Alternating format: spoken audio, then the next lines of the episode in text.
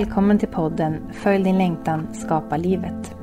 Med denna podd vill jag djupdyka i vår skaparprocess. Hur vi skapar våra liv med lätthet genom att lyssna på vår inre äkta längtan. Att gå från ord till handling, även om man känner rädsla. Jag kommer bjuda in olika personer som älskar att vara i skapandet. Och de kommer få dela med sig av sina nycklar i att vara i flow och inspirera dig att ta dina egna modiga kliv i din längtans riktning och bli en superstjärna i att skapa ditt liv. Jag heter Nina Thorén, är konstnär och bor på Österlen. Välkommen till min podd.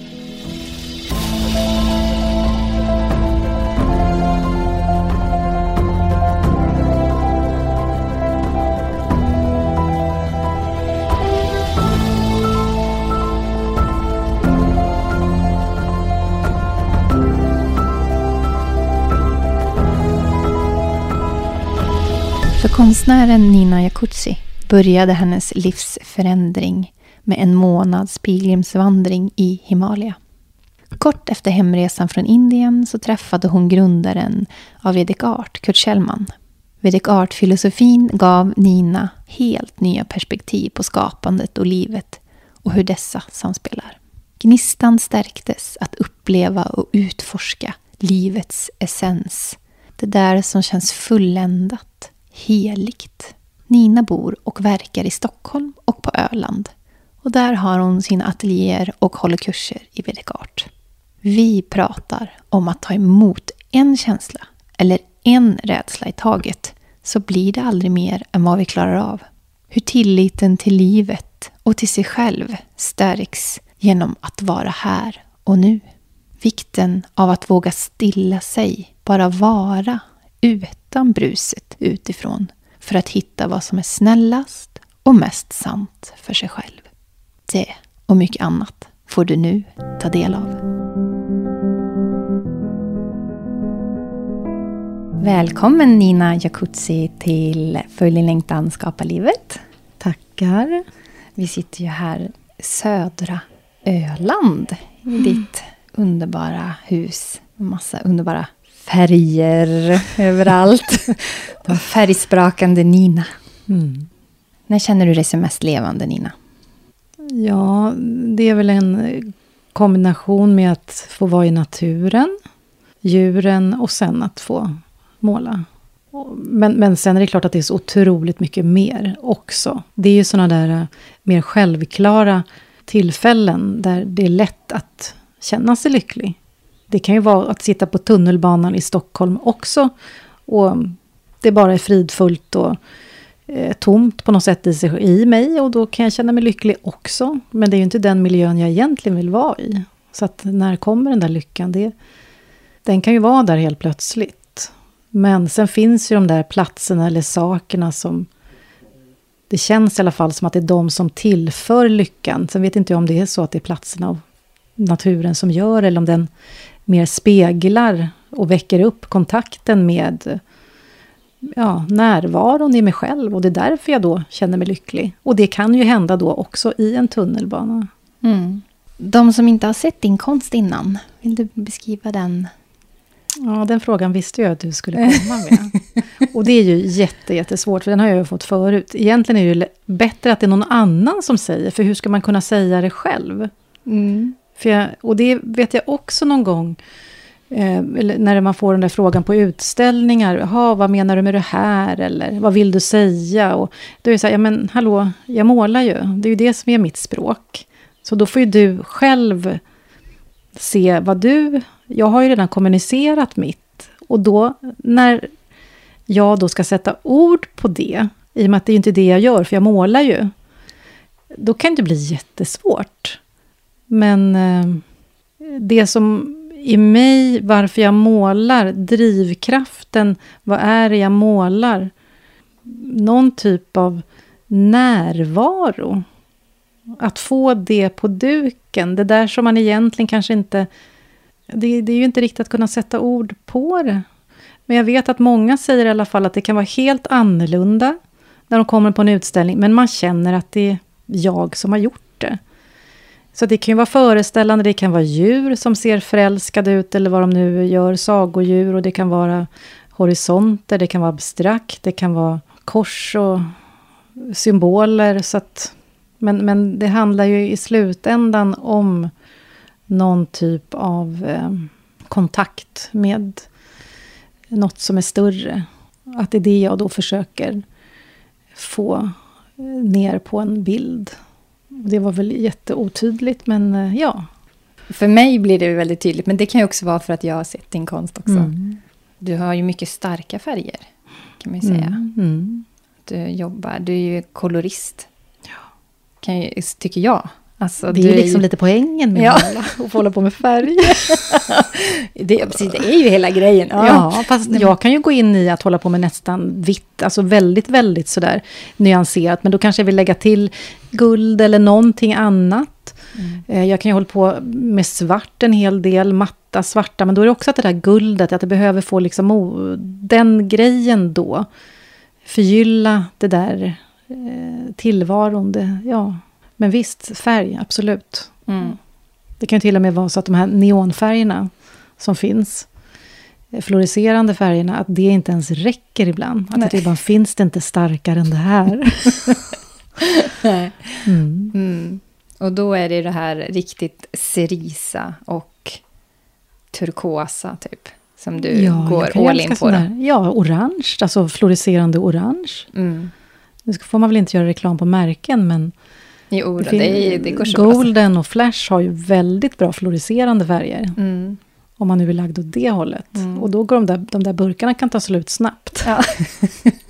om det är det, det humöret mm. man är på. Mm. Ja, för du är ju Vedic Art-lärare. Mm. Mm. Kan inte du berätta lite om det? Din kärlek till den eh, filosofin. Ja, jag hade ju varit i Indien innan jag lärde känna Kurt. Och när jag kom till Indien första gången, jag hade noll koll på Indien. Jag var inte ens sugen på att åka till Indien. Jag var ute efter Himalaya. Men egentligen kanske mer Nepal eller någonting. Och bergen och den saken. Men jag hamnade i Indien och det var att komma hem. Det var verkligen det. Så att det hände otroligt mycket när jag var där. Det var verkligen ett uppvaknande. Ehm, och då är det ju Veda. Men det var ju inte så att jag gick in och läste på, för det är inte min grej, utan det var mer att jag träffade människor, var på platser, kände energier. Det var på något sätt riktiga livet. Där var det något som kanske man saknar rätt mycket av i Sverige. Och sen när jag kom tillbaka efter den där resan som var en månad och den, det var då en pilgrimsvandring i Himalaya. Så att vi var ju på speciella platser och det här är då 96, så det är ju ett tag sedan. Och eh, sen när jag kommer hem, då är det bara något, kanske inte ens ett halvår senare, Jo, jag är i Indien maj, juni och träffar Kurt. Jag tror att det är på hösten den sommaren då. Och eh, han var själv aldrig i Indien. Men jag hade varit där och han hör att jag säger till någon, någon frågar mig hur var det i Indien och eh, då ser jag hur det glimtar till i hans ögon och så vi hamnar bredvid varann sen på middagen. För det här var en vd-kartkurs, min första, som jag skulle gå. Jag lärde känna Kurt på en gång mer sådär som en kompis. För då satt vi där, jag fick berätta om Indien och han gjorde mitt horoskop direkt på en servett, kommer jag ihåg. Eh, han var ju så här jotish astrolog och det är också vedisk astrologi. Och då sa han, måla, det är det du ska göra. Det är ju det, är det här som är liksom din grej och, och så. Så att han såg så glad ut och det var ju som Kurt var, liksom, han var ju som ett barn. Eh, det glittrade i ögonen när det var något han gillade och gillade han inte, då, då syntes det direkt. Så det var inte så att han kunde dölja sig så. Nej, han var helt fil filterlös, som barn ja, är. som barn. Ja. Precis. Så det var ju underbart med honom. Så att jag hamnade ju in i det här. Jag hade ju målat mycket, eh, men inte gått i några konstskolor direkt, utan mer sån här eh, fredagsakademin på Folkuniversitetet och kvällskurser. Men jag tyckte aldrig att det var riktigt kul. Det här med att avbilda, man hade stilleben eller modell och jag hade ju liksom femma i teckning. Teckning hette det på den tiden då. Så att jag kunde ju den där grejen så, men det var liksom, jaha, vad är poängen då? Att få det fint? Jaha, och sen då? Men sen när jag då började med de här, gick på Vedic Art-kursen första helgen då som det var. Eh, bara efter första principen, för det är ju som olika övningar man gör, eller man får som uppgifter som man gör på sitt sätt, så var det bara wow, det här är ju något annat. Och jag hade ju som sagt varit i Indien en månad lite innan det här, så jag, jag var ju som öppen för hela grejen. Så det var ju bara, tack, här är det, det här är min väg. Och eh, ja, så att jag gjorde ju alla de där stegen, 17 principerna som det är uppbyggt runt och åkte ner till Öland och eh, målade på sommaren en vecka och tänkte gud, en vecka kan man väl inte stå och måla, man gör väl massa annat för det är hur mycket tid som helst. Men jag stod ju bara där och målade typ dygnet runt. Sen åkte jag ner en vecka till i slutet på samma sommar. Sommaren efter blev det ju två eller tre veckor och så fylldes det på och nu bor jag här. du, ja, precis, det, det, är så det börjar när man mm. börjar bli förälskad i något. Mm. Mm. Så att det var verkligen, det öppnades en kanal Mm. Det var verkligen så. Och de här principerna som, som Vedic Art är uppbyggt runt, det är ju ingenting som är nytt. Det är ju inte så att eh, Kurt har hittat på någonting, utan och, och, och folk undrar då, men Veda, vad, vad är det då? Veda-kunskapen? Ja, fast det är ju egentligen inte Veda heller om man skulle säga så, utan det är ju vårt ursprung. Men Kurts lärare, Maharishi Maharesh Yogi, han var ju då en vedisk i den vediska traditionen en lärare. Han var fysiker från början, men så att den som Kurt träffade, som han, om man nu ska säga samarbetade med, var ju en som kom från det hållet, Veda och Indien. Hade den här Maharishi varit från Australien så hade han ju varit en sån här aboriginals istället, eller Sverige kanske hade varit en sam. Så att det är ju någonting med det där ursprungskunskapen det handlar om, att få kontakt med den och källan till livet och hur vi hänger ihop med allt. Och, och sen är det uppstrukturerat på ett sätt som man använder sig av, som blir då de här 17 principerna. Så att det är ju inte så lätt att förklara och det är väl egentligen inte meningen att man ska förklara det så här, utan det är, det är mer att kom och Upplev. gör det. Mm. Upplev själv och få mm. din egen erfarenhet. Ja. Och jag ser det ju också som ett sätt att landa i sin egen skaparprocess. Att se sig själv i måleriet. Ja, hitta att hem. Hitta alltså, hem. Ah. Principen är ju till för att eh, leda inåt. Mm. Vi använder oss av färg, därför är att vi målar. Du kan ju meditera, det finns ju massa olika, om man nu ska säga tekniker till att vända uppmärksamheten inåt och bli mer stilla och medveten i sig själv närvarande. Och det är ju det det här handlar om. Och utifrån den närvaron så växer då en målning fram, eller utifrån hela den processen, för det är ju inte alltid att man är närvarande i processen, det kan ju verkligen vara massa motstånd och kontroll och grejer som kommer upp. Men i slutändan så handlar det ju om att bli stilla i sig själv. Och det någonstans tror jag att betraktaren känner av på målningarna sen. Att det är det där att de säger, ja men man känner ändå att det är du. Det är ju inte jag som person som känns, utan det är ju eh, min närvaro som har varit under processen som kommer igen i de olika bilderna, det är olika bildspråk. Kan inte du berätta lite om, ehm, om din skaparprocess? Hur det kan kännas vara heligt. Om jag ska, alltså det är heligt verkligen. Ja. Det, är, det är vad den processen är. Mm. Så att ibland, vet jag kan bli så heligt nördig så att jag måste ta mig barfota. Och, eh, bara för att, och det är väl också kanske från Indien, där är man barfota, man går in i tempel, det är någonting med sånt om jag har fått det därifrån, jag vet inte. Men det är också någon, någon kontakt med liksom naturen, ursprunget. Ja, det heliga, liksom, det är större än mig själv. Så att vara barfota fötter, det känns som att symboliskt så är det något. Så det är otroligt stort mm. att få göra det här. Eller jag vet inte ens, jag brukar ju säga att ja, men det är inte ens jag som gör det, jag är ett redskap. Så att det är på något sätt som att jag lämnar över mig genom att också då, ja, det är heligt. Och sen hur den processen ser ut, det kan vara jätteolika. Jag menar, jag kan ju börja med en duk och stå typ och nästan slänga på färgen. Och det rinner och det stänker. Eh, och då är det ju en dynamisk process. Sen kan det ju vara att jag bara sitter, sätter en liten prick på en jättestor duk och sitter och tittar på den och sen blir det något litet penseldrag från det och helt plötsligt så blir det någon spiral eller vad det nu växer utifrån det och sen är det igång. Så att det finns verkligen inte, jag kan inte säga hur den ser ut, men det jag vet är att jag går in i ett annat rum. Det är som att jag switchar någonting och det är därför man också var rädd om den energin. Och från början var det väldigt så att jag eh, nästan ville isolera mig, inte göra någonting annat, för att då bröt jag den där, eh, Eh, den, den, där magin. Nu, nu jag vet inte om det är för att jag har lättare att komma in i den, att jag kan ha den där kontakten även annars. Så det är inte lika om det kommer någon eller något, det gör inte så mycket. Jag vet ändå, någon typ av intuition säger mig att det här är något man behöver vara rädd om, för det är ju inte en självklarhet. Det är väl något som vi alla längtar efter att få vara i. Och det finns ju där och det går att få vara med det. Mm. Och tack, tack, tack att jag har hittat ett redskap, ja, vedic art, för att då ja, kunna få vara med det. Precis det där du beskriver är ju det där man går och längtar efter. Att man träder in i den där heliga sfären som man har skapat för sig själv och få vara i. Mm. Och där har ju vi naturen också. Mm. Det är ju heligt. Och den ska vi också vara rädda om. Och oss själva. Jag menar allt. Egentligen så är det ju allt. Mm. Så det där heliga i slutändan. Och det är väl eh, så vi pratar, i alla fall jag pratar när jag har mina kurser. Att I slutändan så handlar det om att få med det här heliga i allt du gör.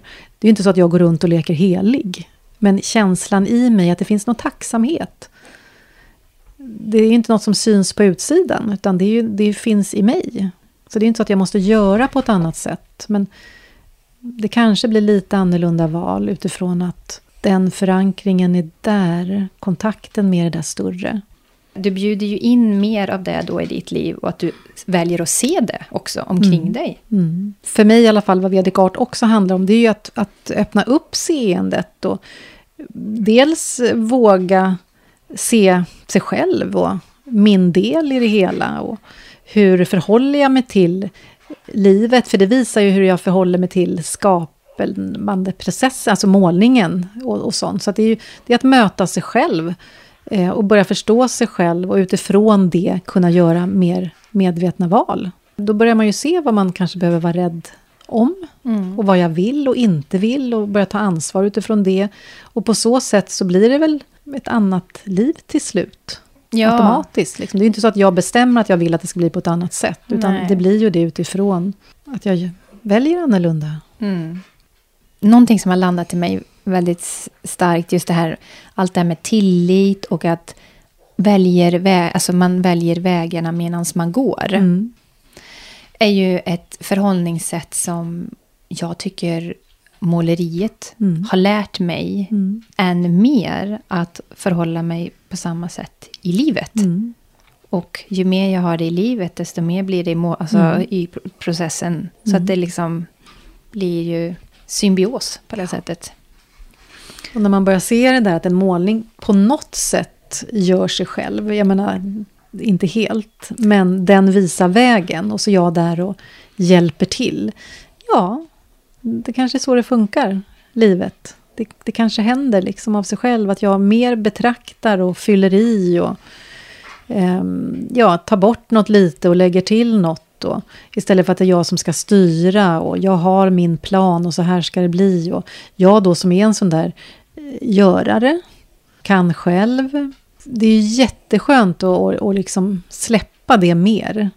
Jag kanske inte måste göra hela tiden. Jag kanske kan vara mer. Jag kanske kan lämna över. Och, och eh, det har jag ju verkligen sett då i måleriet.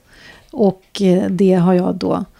Eller jag har nog inte gjort något. Det har blivit så utifrån mer förståelse kanske. Och så börjar jag testa mer. att eh, ja, ja, jag ser vad som händer istället för jag behöver inte bestämma det. När jag måste bestämma, då får jag bestämma. Men just nu behöver jag inte göra något, jag väntar in. Och helt plötsligt så sköter sig saken av sig själv och det blir mycket bättre än om jag då hade gjort som jag hade tänkt. Mm. Men sen kan ju uttrycket ändras. Liksom. Ja. För då, är det, då, då kan man ju, jag kan i alla fall se det att jaha, vad spännande, nu är jag på väg mot något nytt sätt att uttrycka mig på. Fast det är ju samma sak jag håller på med, men det ser olika ut. Och sen såg jag för något år sedan att de målningarna som jag har gjort nu de senaste åren, de påminner om det jag gjorde precis i början, när jag gjorde Vedic Art, liksom principerna. Att det var något ursprung. Att jag, mm. eh, och jag kommer ihåg då att det var någon som sa att eh, mitt måleri påminde om Hilma av Klint. Och jag, hon hade ju, jag hade aldrig sett henne, hon hade ju inte ens ställt ut då i Stockholm. Sen något år senare så var det en utställning på Liljevalchs, kommer jag ihåg. Och då fick jag se de här och då fattade jag, för det är det här lite spiraler, cirklar, symmetriska och sånt. För det, det var det som liksom kom i början. Och, och det nu också, de senaste åren, så har det kommit tillbaka, fast mycket större format och sånt. Så mm. Jag förstår ju varför hon gjorde som hon gjorde. Mm. För det är ju något ursprung i det där. Och det är ju det vi väcker upp. Sen gör vi det på lite olika sätt och vissa gör det på lite samma. Så det, mm. Så det är spännande att se sig själv ja. förändras. Det som slog mig, det var väldigt roligt till eh, en utställning förra året. Så hade jag målat jättemånga tavlor som hade en väldigt stark mittlinje fast det var ihop med träd. Det var ju liksom mm. inte en horisont utan mm. men jag ville, det skulle vara någonting där. Mm. Jag, jag, såg att det hela tiden, mm. jag, skulle, jag ville förstärka det. Aha, vad handlar det här om då? Och så, så var det vet inte varför och hur det kom upp, men så fick jag nys om något. Jag tittade på en TED-talk med, en, mm med en kvinna som har forskat 30 år på hur träd kommunicerar. Mm. Och hur, att de faktiskt kommunicerar mm. och hur de kan skicka mm. information till varandra och mm. hur de hjälper och samarbetar.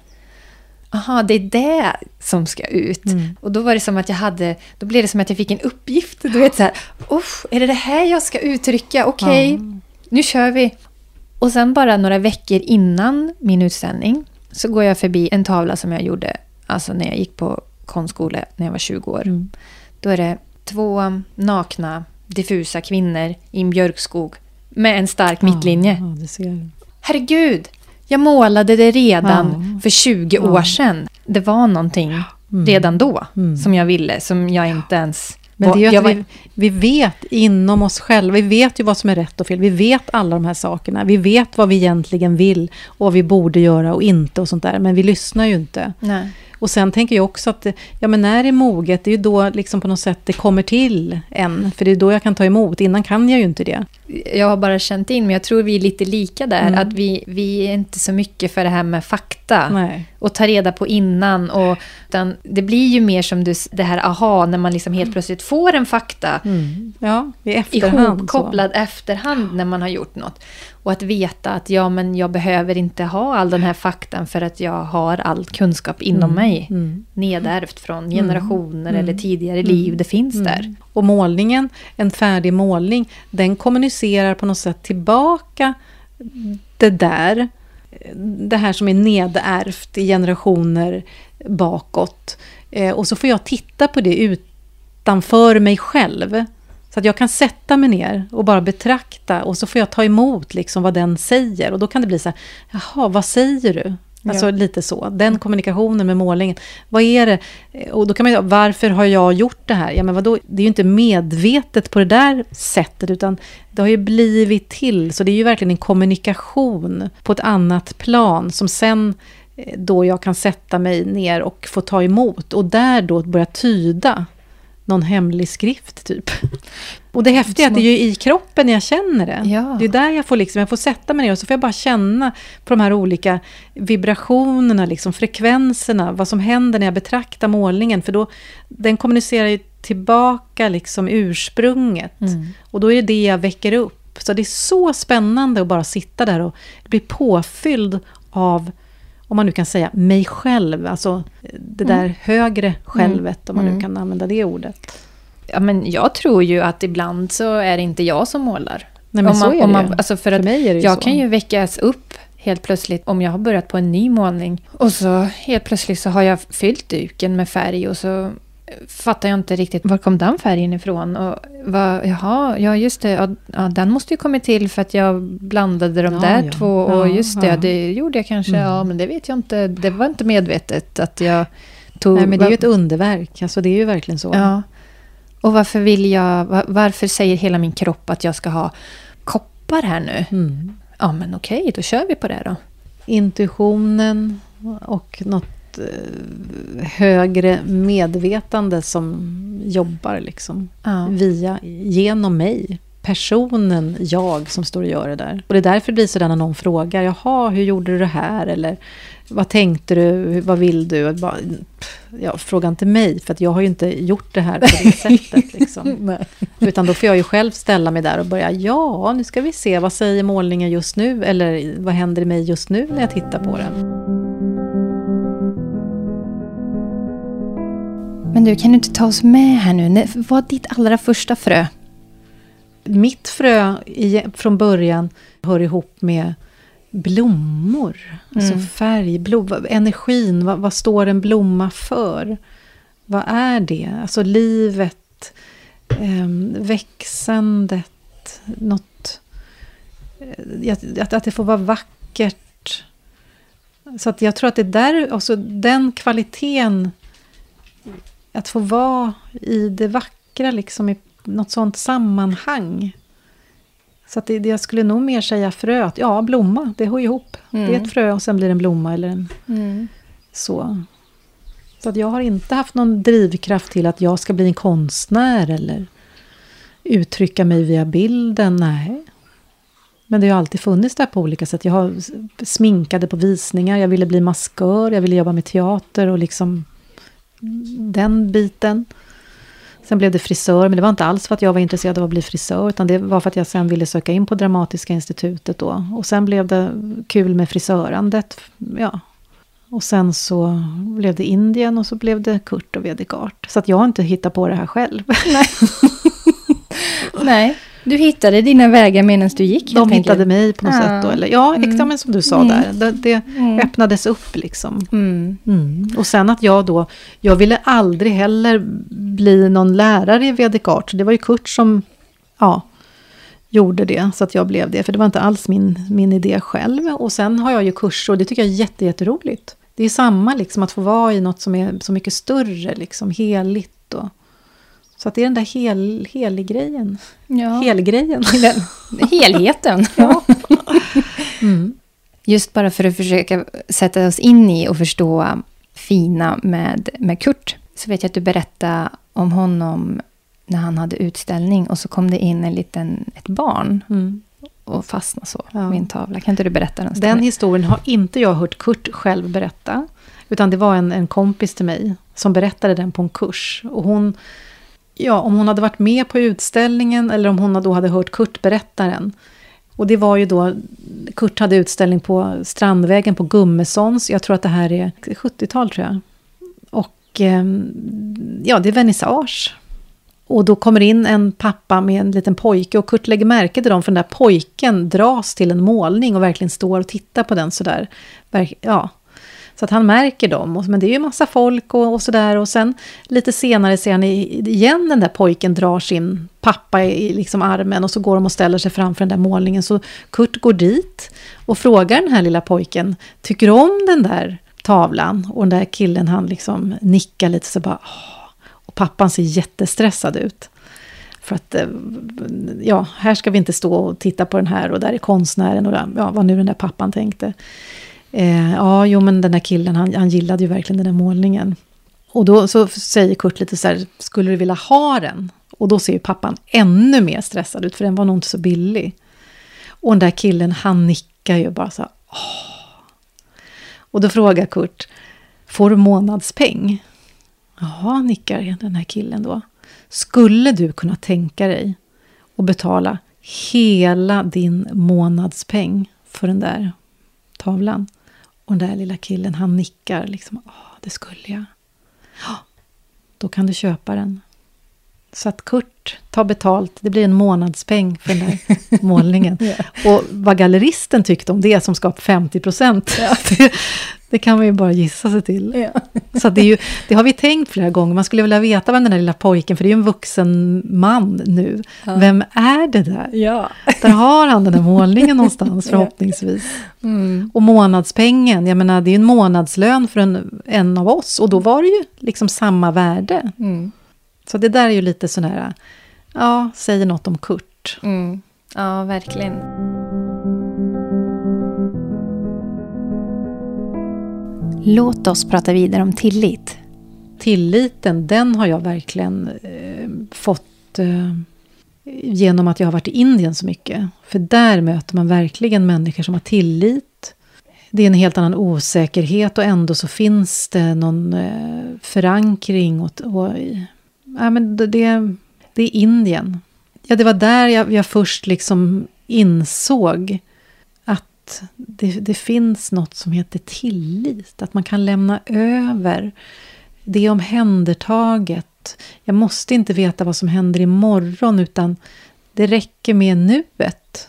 För att om du inte äger någonting, som vissa människor i Indien faktiskt inte gör. Och så finns det ändå en, i, i blicken en, eh, ja, någon livs... Alltså en styrka eller en stillhet, ett varande. Ja, för att du kan inte, skulle du tänka på morgondagen så är det kört. Då är det panik. Och det är så vi håller på lite, i, ja de flesta då, det är panik. För att vi tänker på morgondagen och hur vi ska få ihop det. Istället för att det är nu, att få ihop, inte ens tänka att få ihop, utan det är att faktiskt ta in och göra det bästa av nuet. Då blir ju förmodligen nästa grej också bra. Lite ringar på vattnet. Men vi är ju där liksom i paniken. Mm. Och så fortsätter det med panik och så blir hela världen panik. Och så ser den ut lite som den gör på vissa håll. Mm. Samtidigt som det här andra finns och som, nu sitter jag och tittar ut här i trädgården och men det är det här som finns också, det är det här som är det naturliga. Mm. Så varför inte koppla ihop sig mer med det istället för det som den där stora världen vill att vi ska koppla ihop oss med. Mm.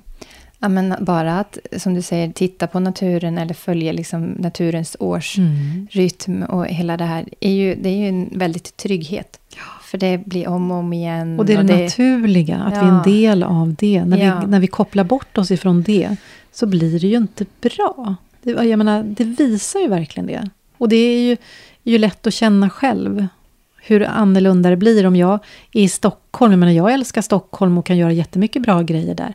Men det är en helt annan energifrekvens mm. som slår till.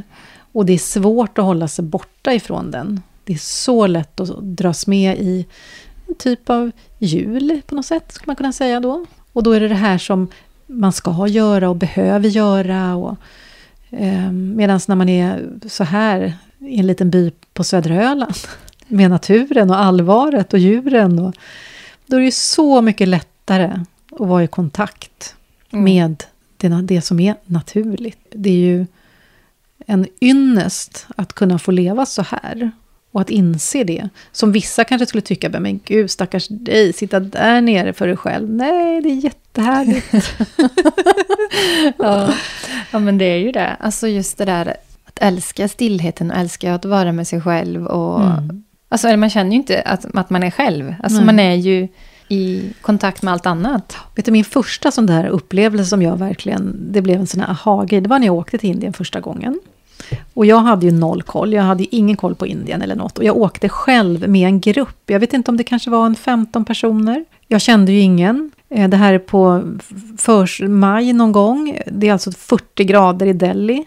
Jag gillar inte när det är så varmt, vem gör det? Eh, jag sitter på det där planet och så tänker jag så här, men vad har jag gett mig in på? Ska jag åka till Indien och här sitter det lite människor runt omkring som inte jag känner i en månad och jag vet inte ens vad vi ska göra.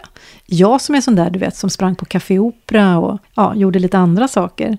Var lite flashig och frisör och höll på. Och helt plötsligt sitter jag på ett flygplan till Indien. Och när jag tänker den tanken och jag känner ingen, jag är själv, jag ska åka till Indien. Och då är det som att i mig, så nästa tanke blir, nej men jag är ju inte själv, jag har ju mig själv. Det var verkligen så, och det var på riktigt, det hände i mig. Ja, men om jag bara stannar i mig själv, alltså har kontakt med mitt inre, så kan jag aldrig vara själv. Och det var verkligen så bara, wow, vad var det där? Var kom det ifrån? Ja, det var ju en insikt som kom utifrån, jag vet inte. Och det var så sant. Och det var ju något, hela den resan, det var ju inte samma jag alls som kom hem. Nej, det kan jag tänka mig.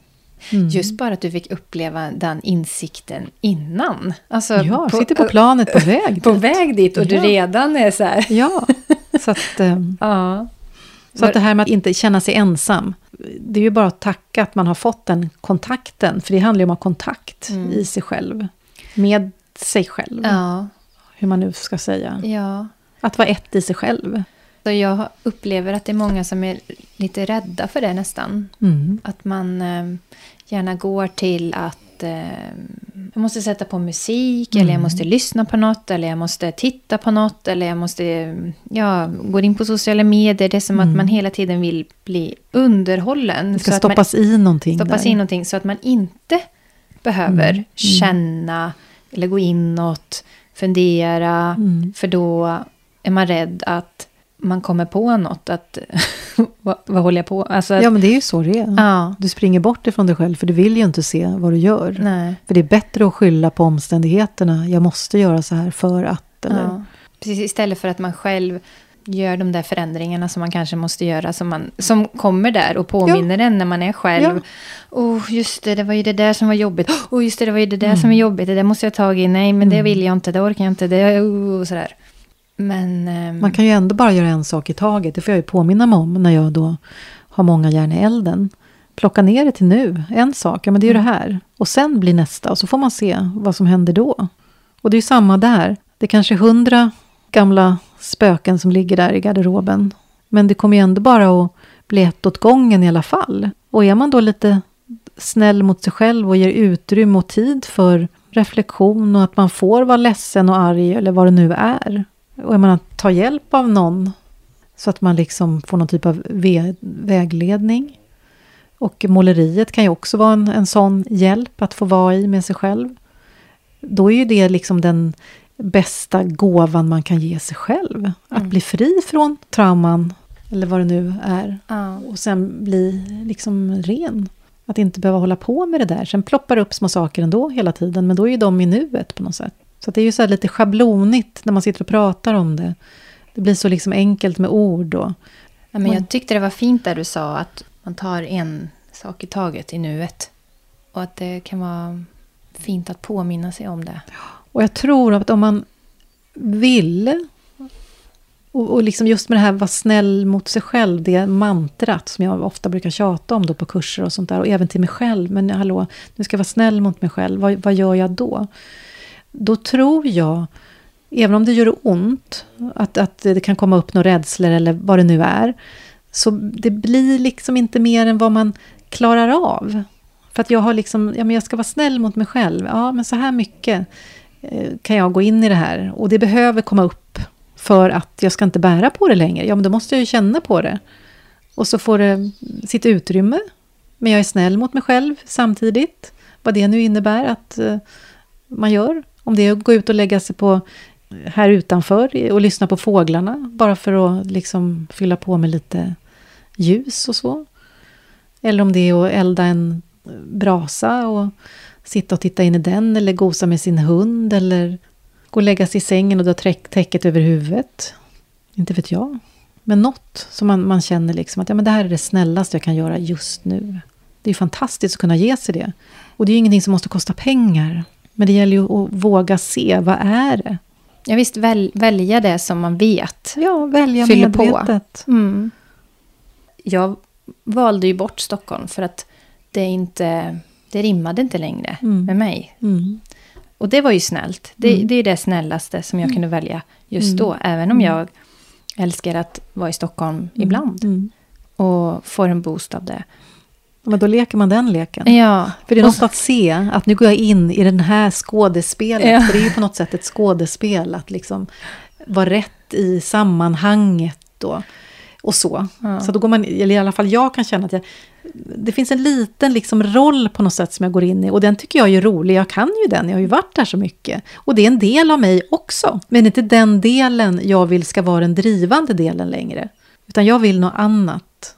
Och då ja, funkar inte för mig att vara i Stockholm längre för att nej, det är inte intressant. Nej. Det där kan jag redan. Det är något annat jag är nyfiken på. Något som är djupare, som är liksom bortom de där fasaderna och ytan. Och, och det behöver inte kosta en massa pengar. Jag vet, visst, jag sitter ju på mitt hus på Öland, det är klart att det kostar pengar. Men det är ju naturen i sig liksom som är Mm. grejen. Mm. Och det är ju inte så att det här har bara hänt, utan det är också utifrån, man nu ska säga medvetna val, som det har landat i att jag är här. Det hade kunnat sett helt, helt annorlunda ut Mm. om jag då hade fortsatt i den där svängen som jag höll på med. Och det var ju inte så att, det är ju inte fel att göra så om man vill det. Men det var ju inte det jag ville längre. Men det var inte rätt för dig längre. Nej, det Nej. räckte. Jag menar, efter Indien hände det mycket och jag träffade Kurt och allting. Men det hade hänt innan. Jag kommer ihåg en gång, jag var mycket ute i skärgården, på Möja.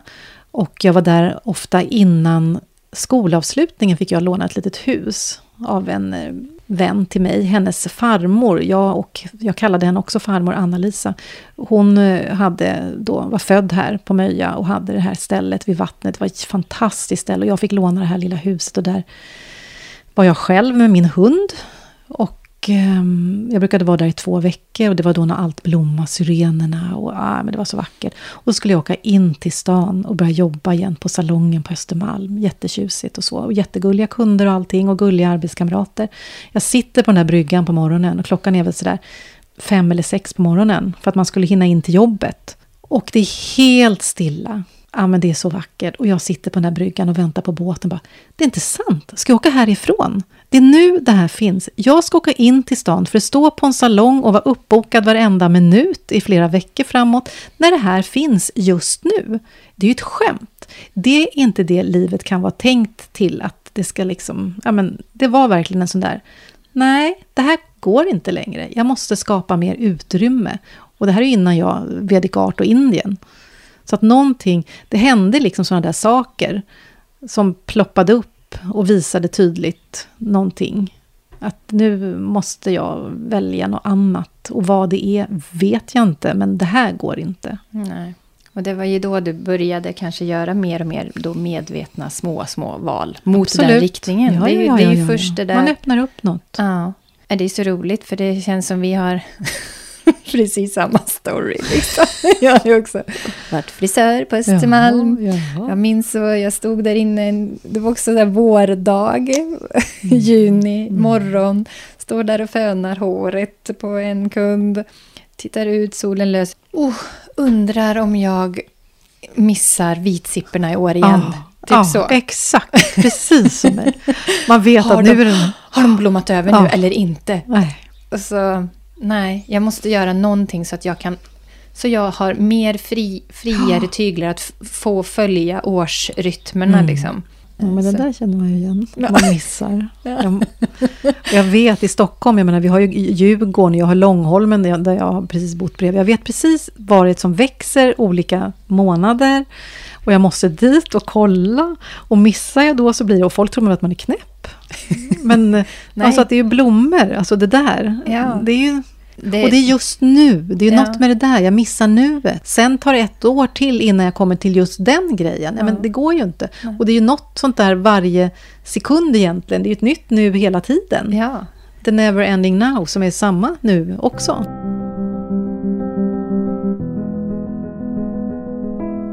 Ja, men om du ser till dina, dina urkrafter, sånt som du har lätt för, sånt som är Att vara ansträngningslöst. tacksam. Mm.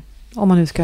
Ja. Vad är du tacksam Ja, för? men det du? är ju en urkraft. verkligen att jag kan vara tacksam. Alltså, att eh, det där tack, tack, tack. Och även om det är jobbigt eh, och inte allt det som, som jag vill, så ändå i det där så är det någonting i mig som ändå letar upp någonstans och kan se, ja men tack. Alltså, det är ju inte jämt, jämt, jämt, men det är ändå där. Att det är en...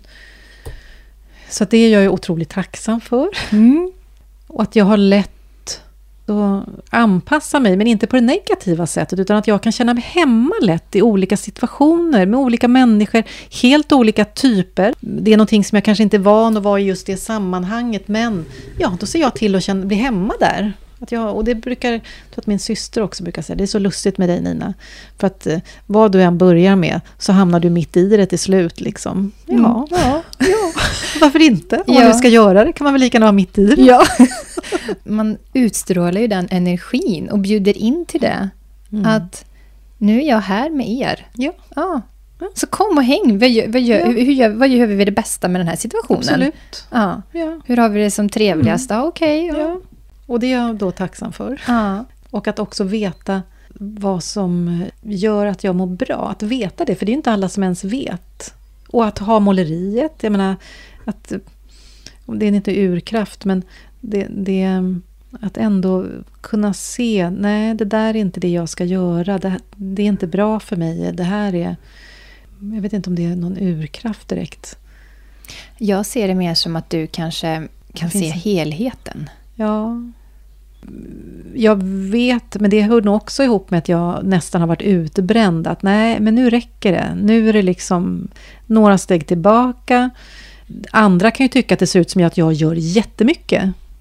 Men förhållningssättet till görandet är då annorlunda.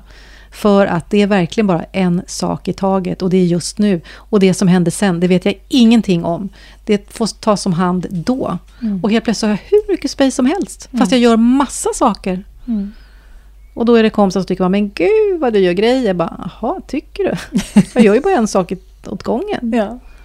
Det är som om jag eh, diskar, ja men då står jag och diskar. Och är i disken. Och njuter av det. Jag kan själv också säga till mig, för ibland om jag hamnar så här att ja, men nu ska jag bara göra klart det här för att jag vill göra det där. Ja, det är det tråkigaste. Det är jättetråkigt. Nej, då måste jag bara stanna upp. Nej, Nina. Så, nu är vi i det här och njuter av det här som jag gör nu. Och så blir det när det blir, det mm. där andra. Mm. Det är något med att kunna lämna det andra åt sidan. Mm. Det är det mm. här som görs. Sen eh, kanske man inte alltid njuter av allt det man gör. Det kanske är jättetråkigt. Men det är det jag gör och då är det ett ja. Och då blir det helt okej. Okay. Mm. Sen är, är ju vi ändå tjejer så vi kan ju göra många saker samtidigt också. Mm. Men det är ju faktiskt forsk det är forskat på att det inte hjärnan mår bra av det. Tror jag. Nej. Jag, jag läste någonstans. Men jag sa just det till min, min bästa väninna igår när vi pratade. Bara, idag har varit en sån där dag. Det här var alltså igår. Där jag har gjort tusen saker samtidigt. Fast jag gör ju ändå bara en åt gången. Ja. När jag går upp och så börjar jag sortera bort vinterkläder samtidigt som jag gör det där. Och så går jag ner och så fixar jag med det och så går jag ut i trädgården och gör det där. Men det är ändå en sak i taget. Så förhållningssättet är ändå att jag gör bara den saken jag gör. Men för någon som skulle vara utanför skulle ju liksom se, ha, nu har hon rafsat fram i garderoben som ligger i sängen och nu står hon och, och, och liksom klipper någonting i trädgården och nu står hon där. Ja, men det är bara för att då helt plötsligt så drog det där dit. Och det är väldigt nytt för mig att göra på det sättet. Men är inte det också att svara an på sina impulser? Ja, det är och lite snyggt. Det blir ju ja. Jag svarar an på mina impulser. Det ska jag ha som svar när någon säger att du verkar lite virrig. ja, men alltså det blir en helt annan kraft och energi om man ja. får gå på sin impuls och ja. känna att nu vill jag vara fullt ut maxat i den där rabatten. Mm. Och så är man det tills man känner att man är klar. Ja, fast jag behöver inte ens vara klar. Men jag Nej, är men klar just, just då. då ja. Och så går jag upp och så fortsätter jag sortera vinterkläderna. Mm. Och sen kommer jag ut och så fortsätter jag med rabatten. Det är jättelustigt. Mm. För det, för mig är det liksom lite annorlunda. Att göra så. Men, Istället för att göra klart, som man gör med sina kunder. En kund åt gången, klar, hej då. Och sen kommer nästa. Det så, så ser jag på saker när jag målar. Alltså att jag måste få gå på impuls. För känner jag inte någon impuls mer på en tavla, då måste jag gå vidare på nästa. Där jag känner något. Mm. Någon, någon, mm. någon, någon, kraft mm. till en vilja, en, något som händer i mig. Mm. Fast jag har ju mer blivit nu då med mina målningar. Jag har ju varit så att jag hela tiden har gjort en åt gången och sånt där. Mm. Men jag är fortfarande, det har blivit väldigt tydligt att jag har inga problem med bara att sitta och ta in och titta och inte ha några impulser alls. Att bara ta in och fyllas på av det som är på duken. Jag behöver inte göra något, fast den inte ens är klar. Fantastiskt. Under, jag vet. Det är så skönt att bara få sitta och, och vara. Jag behöver inte göra något. Jag behöver inte ens måla på den där duken. Jag kan bara ta in. Och sen helt plötsligt är jag igång igen och så håller jag på där. Det är de som gör att du kommer till den där impulsen som blir sen. Ja, för det måste bli klart i mig själv. Mm. Det är ju den där grejen. Att, jag, att det är mycket, mycket mer med att det är i mig själv det handlar om. Det är någonting som ska liksom mogna fram. Och målningen också mognar fram. Jag måste inte göra, jag måste inte liksom få till eller lösa ett problem. Jag är jättesnabb på sånt där i mitt huvud. Liksom. Att nej, jag behöver inte. Jag kan faktiskt bara få sitta och, och ta in. Och det är häftigt, för, det, ja, för mig är det stort. Och där kommer det där heliga in igen, att mm. det är mm. något heligt. Men ja, det som du beskriver, det är ju då snällt det är det mm. som är det snälla mm. mot dig. Mm. I och med att du är van vid det andra. Jag är ju en görare. Mm. Så att jag får ibland också hålla i mig lite. Bara, Nej men nu ska jag bara sitta här. Ja just det, det var ju det jag skulle. Jag ska inte gå iväg och göra det där nu. Och så när det landar igen. Bara, åh, är det sant? Kan man bara få sitta så här, lyssna på fåglarna, titta på duken, känna vinden som kommer in genom dörren som är lite öppen. Och, nej, men det är fantastiskt. Mm. Det är så stort. Och då finns det ingenting mer som jag har att önska av livet. Nej. Det är fulländat. Ja, och jag sitter bara och tittar. Det är fulländat. Hallå? Mm. ja, men det är ju det. Det är inte görandet, utan Nej, det är varandet. Och helt plötsligt så är man ett med det. Vad inspireras du mest av? Jag kommer tillbaka till ordet heligt. När, den, när det finns där, och det kan ju vara en vacker design, alltså det när det är fulländat. Och det kan vara avskavt och skruttigt, men det är levande. Det, så att det är ju liksom, går ju inte att säga vad inspirerar mig. Jag har allt från blommor till färg till vackert, en dikt. Men det är ju liksom att komma in i ett typ tempel, kyrkrum, någonstans där det här det är något annat som bär den energin. Att komma in på sådana platser. Eller sitta och titta ut över en horisont eller gå i en vitsipsbacke. Alltså det här, mm. det där. Mm. Det är ju det som inspirerar. Då sätter igång mig. Jag får kontakt med källan, källan till livet. Ja, där är ju skapandet, skapelsen. Men det är en, en, en viss energifrekvens som väcks upp.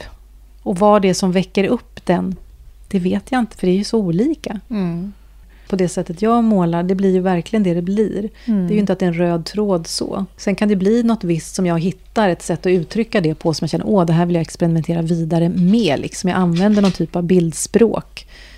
Fast det är ju det heliga där någonstans som jag ändå är ute efter. Och det är inte så bara för att jag vad inspirerar mig. Det är ju inte så att jag, bara för att jag känner den där kontakten med det där heliga, att jag måste gå och måla. Jag kan ju bara sitta med det och det är det jag menar att jag är så tacksam nu, att jag kan bara sitta sitta och ta in. Mm. Att det räcker, jag måste inte göra något av det eller försöka få det här att fastna på en duk. Eller, nej, nej. det är att få vara med det som är grejen. Mm. Och att måla, att gå in i skapandet på det sättet är ju ett sätt att då förstärka det. Mm.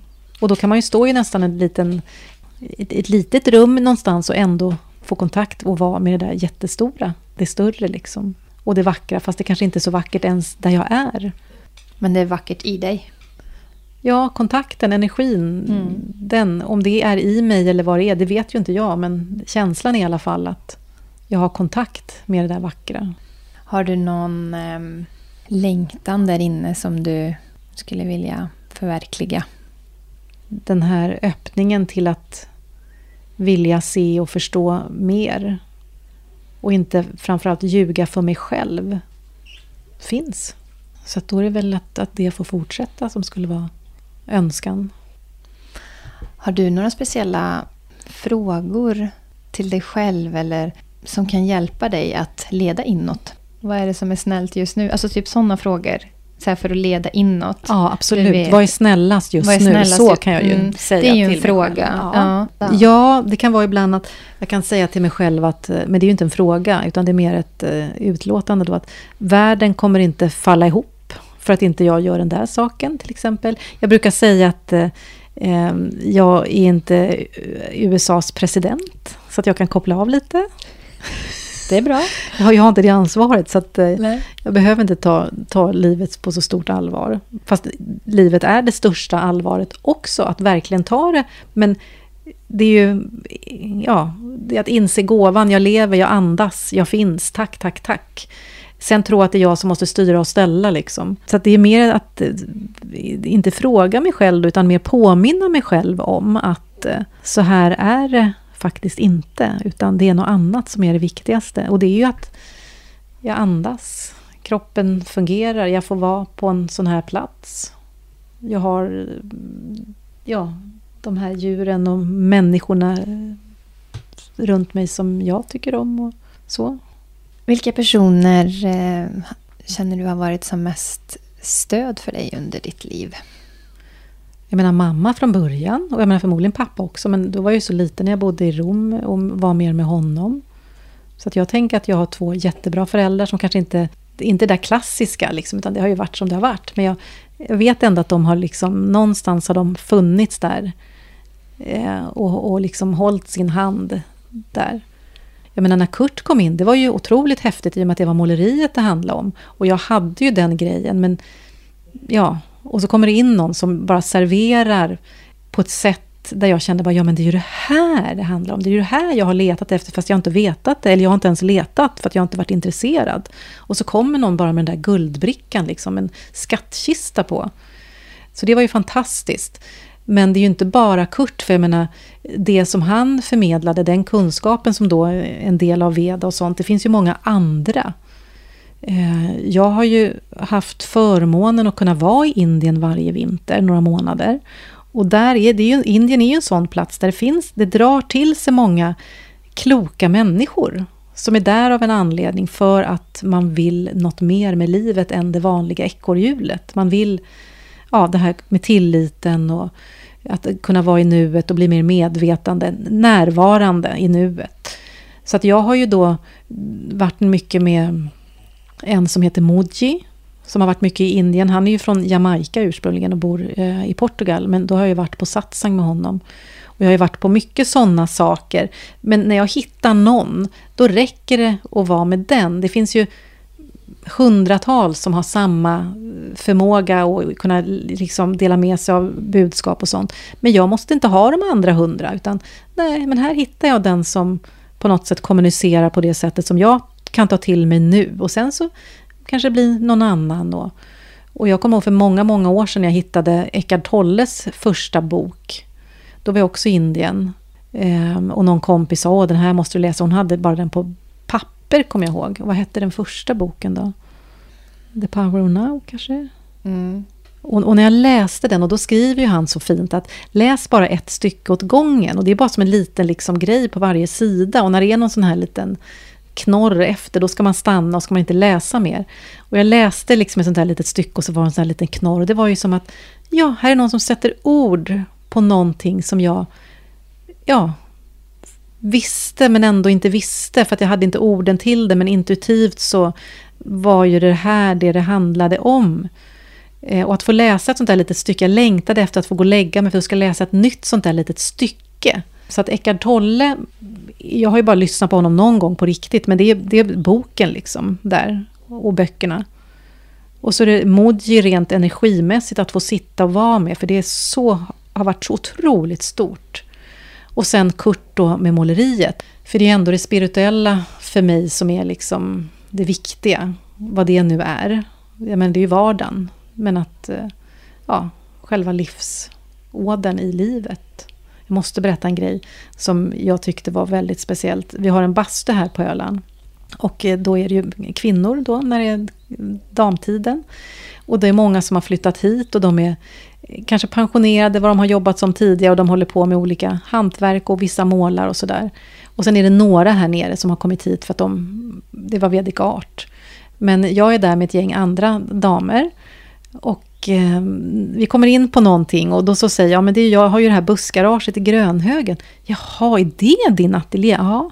Jaha, men då håller du på med det här Vedic Art va? Och jag menar, det är jättemånga som har åsikter för de har hört eller sett eller vad de nu har. Så att det där Vedic Art för vissa är då de konstiga människorna och för andra är liksom bara, ah, är du en sån? Liksom, Åh, det är jag nyfiken på. Men den här kvinnan då låter lite mer sådär, jaha, du håller du på med Vedic Art? Ja, sa jag sådär. Och så, ja, jo, men jag hade en väninna som gick det där för, ett tag, för länge sedan, eller ett tag sedan, kommer jag inte ihåg. Och ehm, ja, jag skulle kunna tänka mig att gå det där om man, om man tog bort, om man slapp det spirituella. Så säger hon.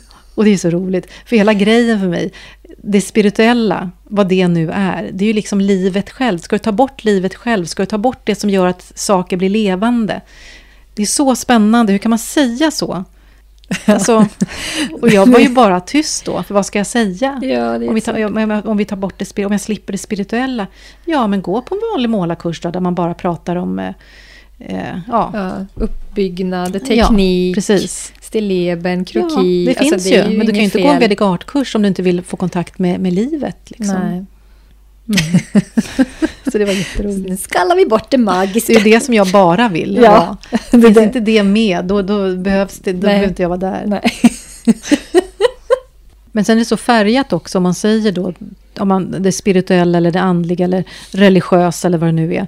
För att folk skulle nog inte se mig som en religiös person. För det är ju inte så att jag, ja, men jag, jag går gärna i kyrkan. Men jag har ju inte läst Bibeln eller är konfirmerad eller något. Så att jag kan ju inte berättelserna. Men jag kan sitta där bara för att det är något i rummet. Mm. Det finns någon energi hos vissa präster, inte alla. Att det är något, något, något, något man, får, man får vila. Och jag kan ju vara lika mycket inne i ett buddhistkloster eller ett hinduiskt tempel. Det spelar liksom ingen roll, eller naturen. Vad ska man använda för ord? Och när folk då stoppar in vedic art i ett fack, mm. ja men det handlar ju om livet. Det är det som är veda. Ja, och jag tror många har också missuppfattning att Vedic art är ett sätt att måla på. Ja, att ja må, må, många, många tror att ja, mm. men då målar man så här. Mm. För att, men jag tror att det är för att många kommer då i kontakt mm. med det Absolut. där eh, universella. Och då blir det gärna änglar, ja. Eh, Framförallt i början. Ja, i början. Ja, mm. det blir, för att det är det. Det är symboler det är symbolen. Och det blir kanske mm, rymden, det är det man ser. Och att det kan många. vara mycket blått, var det i alla fall ja. i början. Ja. Och det är inte så konstigt heller, för den blåa, jag menar det hör ihop mycket med himlen, rymden. Blått är lugnande, stillande, helt plötsligt så börjar det liksom slappna av. Så det är ju inte konstigt, men Nej. det är ju så det är i början. Ja. Att vi, och det är också spännande att se att vi människor Alltså att det är en process och att mm. vi är lika där. Att det uttrycks. Vi behöver de här symbolerna för att då förstärka det där. Så det är ju inte konstigt. Och sen är det väl också så att eh, vissa som då hittar vedic art kanske också kommer från ett väldigt liksom spirituellt håll. Och så lägger de in det, det. i vedic art. Och då blir det ju kanske lite flummigt, för det är ju inte flummigt. Och det är väl det som många är rädda för. Jag kommer ju inte från det flummiga hållet alls. Och ändå så säger jag att det viktigaste för mig är liksom det andliga. Så eh, ni som lyssnar på det här och vill gå en vedic art-kurs, var inte rädda. Nej. Precis. Det är fantastiskt vad det öppnar upp. ja. Men vi har ju varit inne på lite böcker här nu. Har du något, mm. um, något mer boktips än Eckart Tolles böcker? En bok som jag, jag, läste för, ja det är något år sedan, det är den här uh, Ålevangeliet. Och det, den där pratade ju flera om för massa år sedan, för den fick ju Augustpriset tror jag det var och sånt. Men jag köpte den när jag skulle resa någonstans och den låg där så blev det den. Och det är så vackert. Har du läst den? Nej. Nej, men läs den. Det är för det är, man tänker, vadå, jag vill ju inte läsa en bok om ålar. Gud, så tråkigt. ja, det känns ju jag vet. torrt. Och det känns torrt. Eller torrt, men blött. Men den är så vacker. Jag förstår varför den heter Evangeliet. Man förstår ju varför den har den titeln. Mm. För det är så, ja, om livet, källan till livet. Alltså han får ihop det så fantastiskt vackert. Så då, då blir jag så glad när det, liksom, det här budskapet, det här som är liksom livets källa och det som är viktigt egentligen, att det kan få komma på andra ställen, inte att här står de här andliga och spirituella böckerna. För, utan det, det är att, om man, om man nu ska säga det, är bara det är vi, vi helt vanliga människor som har liksom eh, naturen som det, ja, och livet själv som ja, vad ska man säga? Mm. Ja, men det är bara så vackert. Så Ålevangeliet kan jag ju rekommendera. Ja, men gud Men det är sånt där som folk vet att man ska läsa.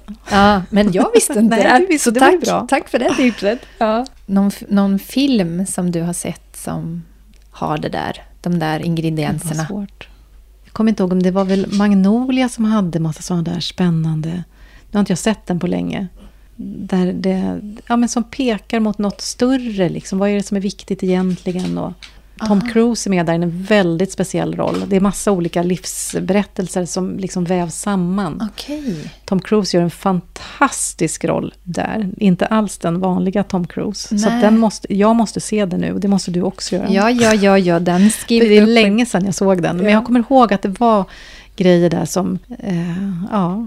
Om du skulle få säga någonting till dig själv som ung, mm. som du vet idag. Vad skulle du vilja säga till henne då? Det där med tilliten, att vara inte rädd. Men någon typ av tillit hade jag ju, har jag ju haft jämt, för att jag har ju alltid mer eller mindre gått min väg. Det är väl därför man är en konstnärsmänniska, liksom, för att man gör så. Ja, att inte vara rädd. Det är väl det. Och fortfarande till mig själv när det är saker. Lyssna inte på alla andra, utan nej, jag måste göra så här. Jag behöver inte alltid förstå varför, men det går inte att göra sådär som alla andra gör, till exempel. Eller det verkar vara det rätta. Eller, att verkligen lyssna. Ta, i, ta tid, lyssna. Tid för reflektion, liksom. Och var inte rädd. Om det är någon som har den där längtan till att komma i mer kontakt med sin närvaro och våga följa mer sin längtan och sådär. Har du några slutliga nycklar? Så det, jag tror att det, det, handlar om för de flesta av oss att stanna upp mycket mer. Så bort med mobilen, stäng ner allt sånt. Inte intryck utifrån, bort med dem. Klä av, bli naken. Våga liksom vara i det. I, i det liksom nakna, med dig själv. Ut i naturen. Jag menar, du behöver inte gå på några dyra kurser för att lära dig att vara med dig själv. Sen kan man ibland behöva någon att hålla i handen för att förstå och sådär. Men jag tror att naturen, liksom att få ut och gå i naturen, havet, himlen, skogen, vidderna. Vara med djur. Mm. Djur och natur. Mm. Och som sagt, bort med mobilen. Mm. eller datorn eller vad det nu är. Ja. Vad jag tror att vi, många av oss gör nu, det är att man hela tiden kollar av vad alla andra gör för att sen våga göra sitt, tror man. Fast mm. man gör ju då likadant. Ja. Att man, har... man känner in lite, ja men det där är ja, nog lite jag. och man tror eller... att man måste följa med mm. för att inte missa. För det känner jag igen från mig själv när jag var yngre. Liksom. Men gud, jag kanske missar något. Nej, man missar inget. Det man verkligen missar är ju sig själv. Och det är ju det enda som finns, liksom. Mm. kontakten med sig själv. Genom att man då ska hålla på med allt annat. Mm. Om man vill ha mer av dig då Nina, mm. vart hittar vi dig mer? ja, man kan ju då gå in på min hemsida, mm. jakuchi.com och se lite målningar. Och där står det väl lite. Alla målningar finns inte med, framförallt inte de senaste. Nej. För att jag är jättedålig på att uppdatera och sånt. Och sen har jag ju då Instagram som är ibland aktivt och ibland händer ingenting. Och vad det heter, mitt Instagram, det vet ju inte ens jag. För hemsidan är jakuchi.com. Ja, men Instagram. du heter Nina Jakuchi. Jaha, Nina Jakuchi. Mm -mm. Det är Nina Jakuchi. Inga mm. punkter, inga streck. Bara Nina och Jakuchi, Jakuchi är jättelätt att stava till. Ja, det är ju det. Det är CCCCC. och så kan man ju komma till Öland och måla om man vill det. Ja, för här har du ju kurser hemma mm. hos dig. Mm. Inte hemma hos mig, jag har ju det i Ja, jag menar, jag menar det. Mm, precis. Bussgaraget. Och de kurserna kan man läsa och boka på din hemsida eller mejla till dig? man kan läsa lite om dem där mm. och sen så kan man ringa eller mejla eller messa. Mm. Tack så mycket för idag Nina. Ja, tack då Nina. Ja. Jätteroligt mm. att vi heter likadant och så är frisörer och så målar vi. Ja. Jajamän, mm. universum har fört oss samman. Mm. mm. Tack för att du lyssnar på Följ din längtan, Skapa livet-podden. Är du nyfiken på mig och min konst? Konst som vill lyfta en känsla av längtan, ursprung och urkraft. Allt hittar du på min hemsida ninatorenart.se. Så fint att du har hittat till min podd. Vi hörs!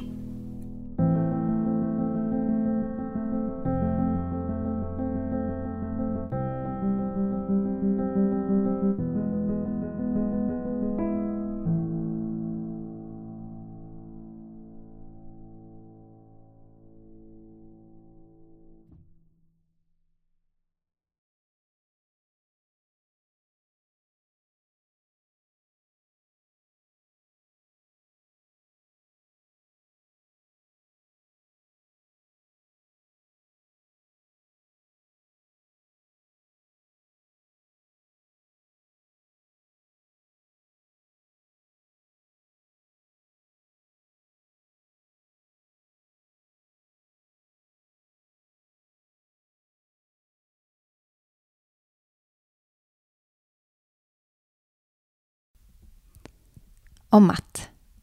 Om att. Om att.